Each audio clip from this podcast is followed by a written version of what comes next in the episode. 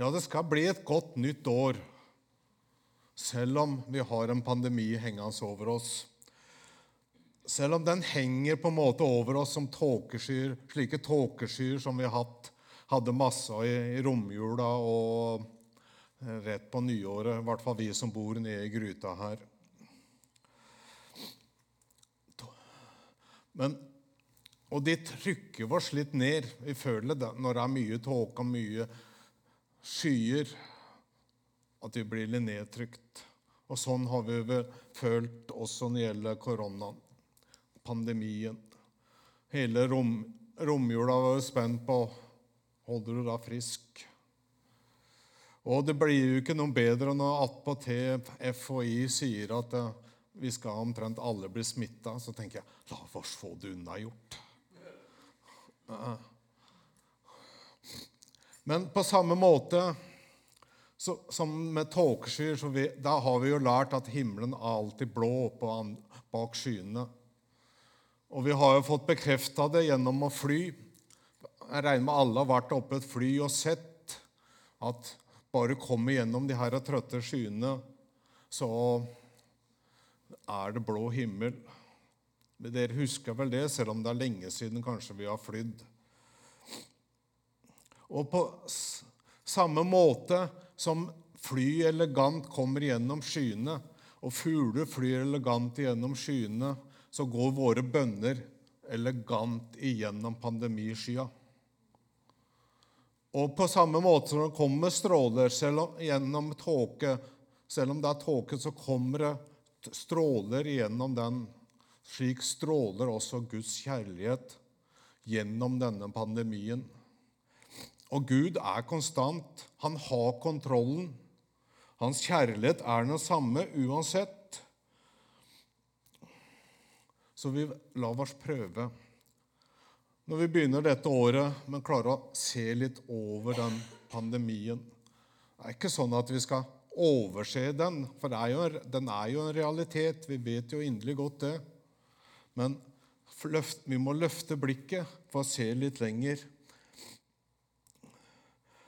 Der blir, ser vi bare foran oss og ser på det tunge, triste vi har rundt oss hele tida, så blir det som omtrent du går der med kompasset og bare ser sånn hele tida.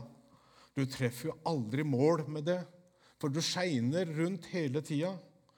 Eller som jeg hørte på Tour de Ski Jeg elsker vinteridrett. Fotball kan de ha for meg, det er bare noe tull. Men vinteridrett, ikke minst langrenn og skiskyting, det, er, det syns jeg er gøy. Ikke minst at de norske gjør det så bra stort sett. Men under Tour de Ski nå i romjula var det klassisk sprint. Jeg hørte kommentar om hun, eh, Mathilde Myhrvold, hun beste norske. Kommentatoren sa hun må ikke se sånn ned på skituppene, for da var det så vanskelig å gå riktig.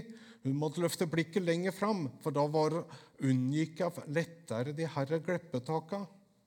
Derfor skal vi prøve å se lenger. Vi skal se lenger.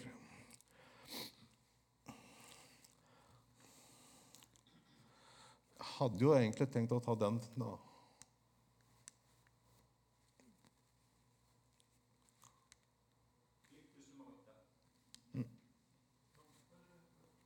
Der, her går det unna. Ja. Det er tenkt å snakke litt om i dag. For vi nærmer oss en tunnelåpning hvis, når det gjelder pandemien. Vi ser lys i enden av tunnelen. Selv om vi har trodd det mange ganger før, og det har vært toget som kom imot oss, så er det nå nærmere seg slutt. Så, og Gud sier til oss nå, som han har gjort så mange ganger før Jeg har ny Jeg låner Tores. Uh, dere sier ennå er det fire måneder til innhøsting. Men jeg sier dere, løft blikket og se på markene. De står alt hvite mot høsten. Altså Johannes 4, 35. Jeg leste her om dagen at uh, på Facebook-sida til Misjonskirken Norge at i, det var de, hvem var de et, uh, nyplantingene og nye menighetene hvor det ble frelst flest folk? Det bør jo ikke være sånn. Hvor, så kanskje vi vel etablerte kristne skal reise oss opp av vår eh, etablerte, gode holdninger i den etablerte, gode menigheten og gjøre litt Prøve å få noen flere frelst. Og så spør du kanskje hvorfor skal de være så opptatt av det? Ja? Vi har jo så godt. Fordi vi har funnet en oase. Vi har funnet svaret på det viktigste her i livet. For vi har funnet Jesus. Og som jeg sa på en av eh, kveld, eh, bønnemøtene Ja, vi har funnet Jesus er svaret. Hva er da spørsmålet? Vi må formidle Jesus. Han er svaret på alt. Det er vår, derfor minner Gud oss om hele tida at vi må løfte blikket og se hvordan det er. Og Gud sier mer til oss i dag. Se, jeg gjør noe nytt. Nå spirer det fram. Merker dere ikke? Ja, nå legger jeg vei i ørkenen, elver i ødemarken, som står i Jesajas 43, 19. Inn under denne pandemien, når vi ser kanskje ting blir stoppa opp, så jobber Gud. Han forbereder noe for oss nye muligheter for hver enkelt av oss og vår menighet. Han ønsker å ha oss med på disse forandringene han driver og planlegger. Gud er allerede i byen. Gud er allerede i nærmiljøet ditt og i omgangskretsen din. Han holder på å forberede nye, ferdiglagte gjerninger for deg. Så han kommer med en oppfordring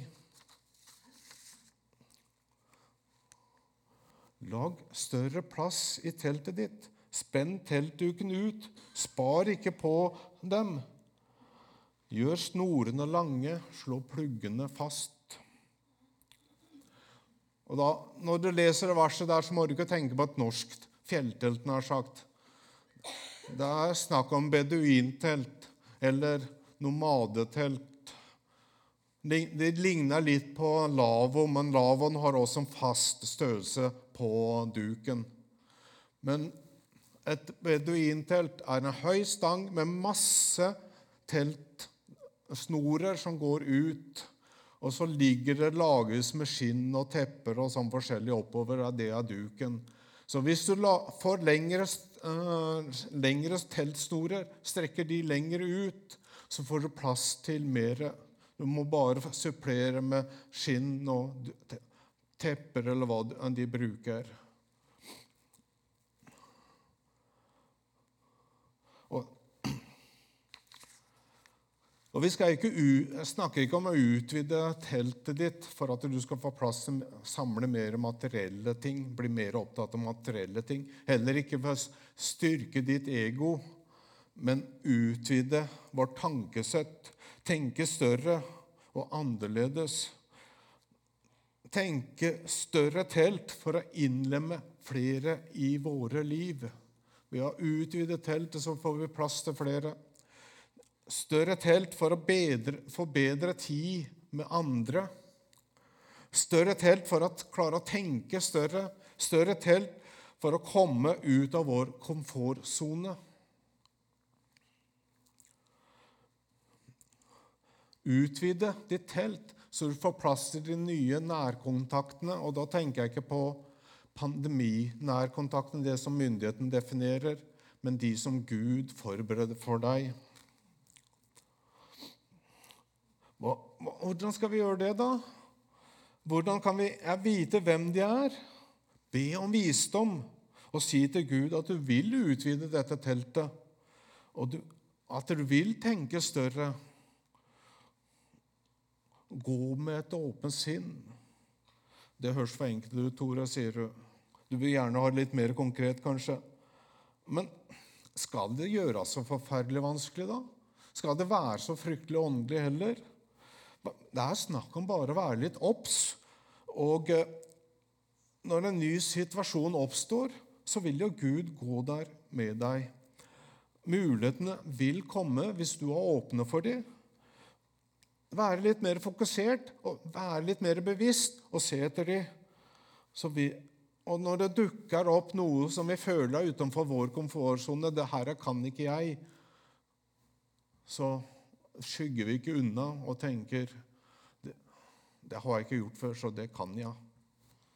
For Gud, da er da vi trenger Gud, og da kan vi vite at Gud går med oss. For den vanlige tralten så går det liksom greit uten Gud veldig ofte. Men kommer vi utenfor vår komfortsone, så trenger vi Gud, og det vil skje ting. Og når vi da etter en stund ser oss tilbake, så vil vi se at det har skjedd forandringer i livet vårt. Det har skjedd forandringer i menigheten vår. Altså, det handler om å være bevisst og se etter mulighetene. Gud har forberedt dem. De ligger bare foran oss. Nå har vi snart gått på sparebluss i fem, to år. Det unormale har blitt gjengangeren. Så nå Så nå kommer snart det normale. Normale, hva nå enn det skal være da. Da skal vi være klare til nye utfordringer. For det normale må ikke bli en sovepute for oss, at vi kommer tilbake til en normal verden. Vi går inn i det normale, dere, med en iver etter å få utrette nye ting. Ikke bare være satte og sette oss ned og nyte 'nå er pandemien over, nå kan vi slappe av og kose oss'. Nei, vi går inn i en iver for å utrette nye ting, og ikke dette ned i den vanlige tralten. Og Gud er klar for å utruste oss.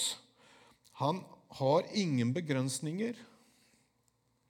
Og heller ikke, det er heller vi som begrenser Gud, for han sier han som virker i oss med sin kraft, kan gjøre uendelig mye mer enn det vi ber om og forstår. Efesene 3,20. Denne uka har vi som sagt hatt en årlig bønneuka.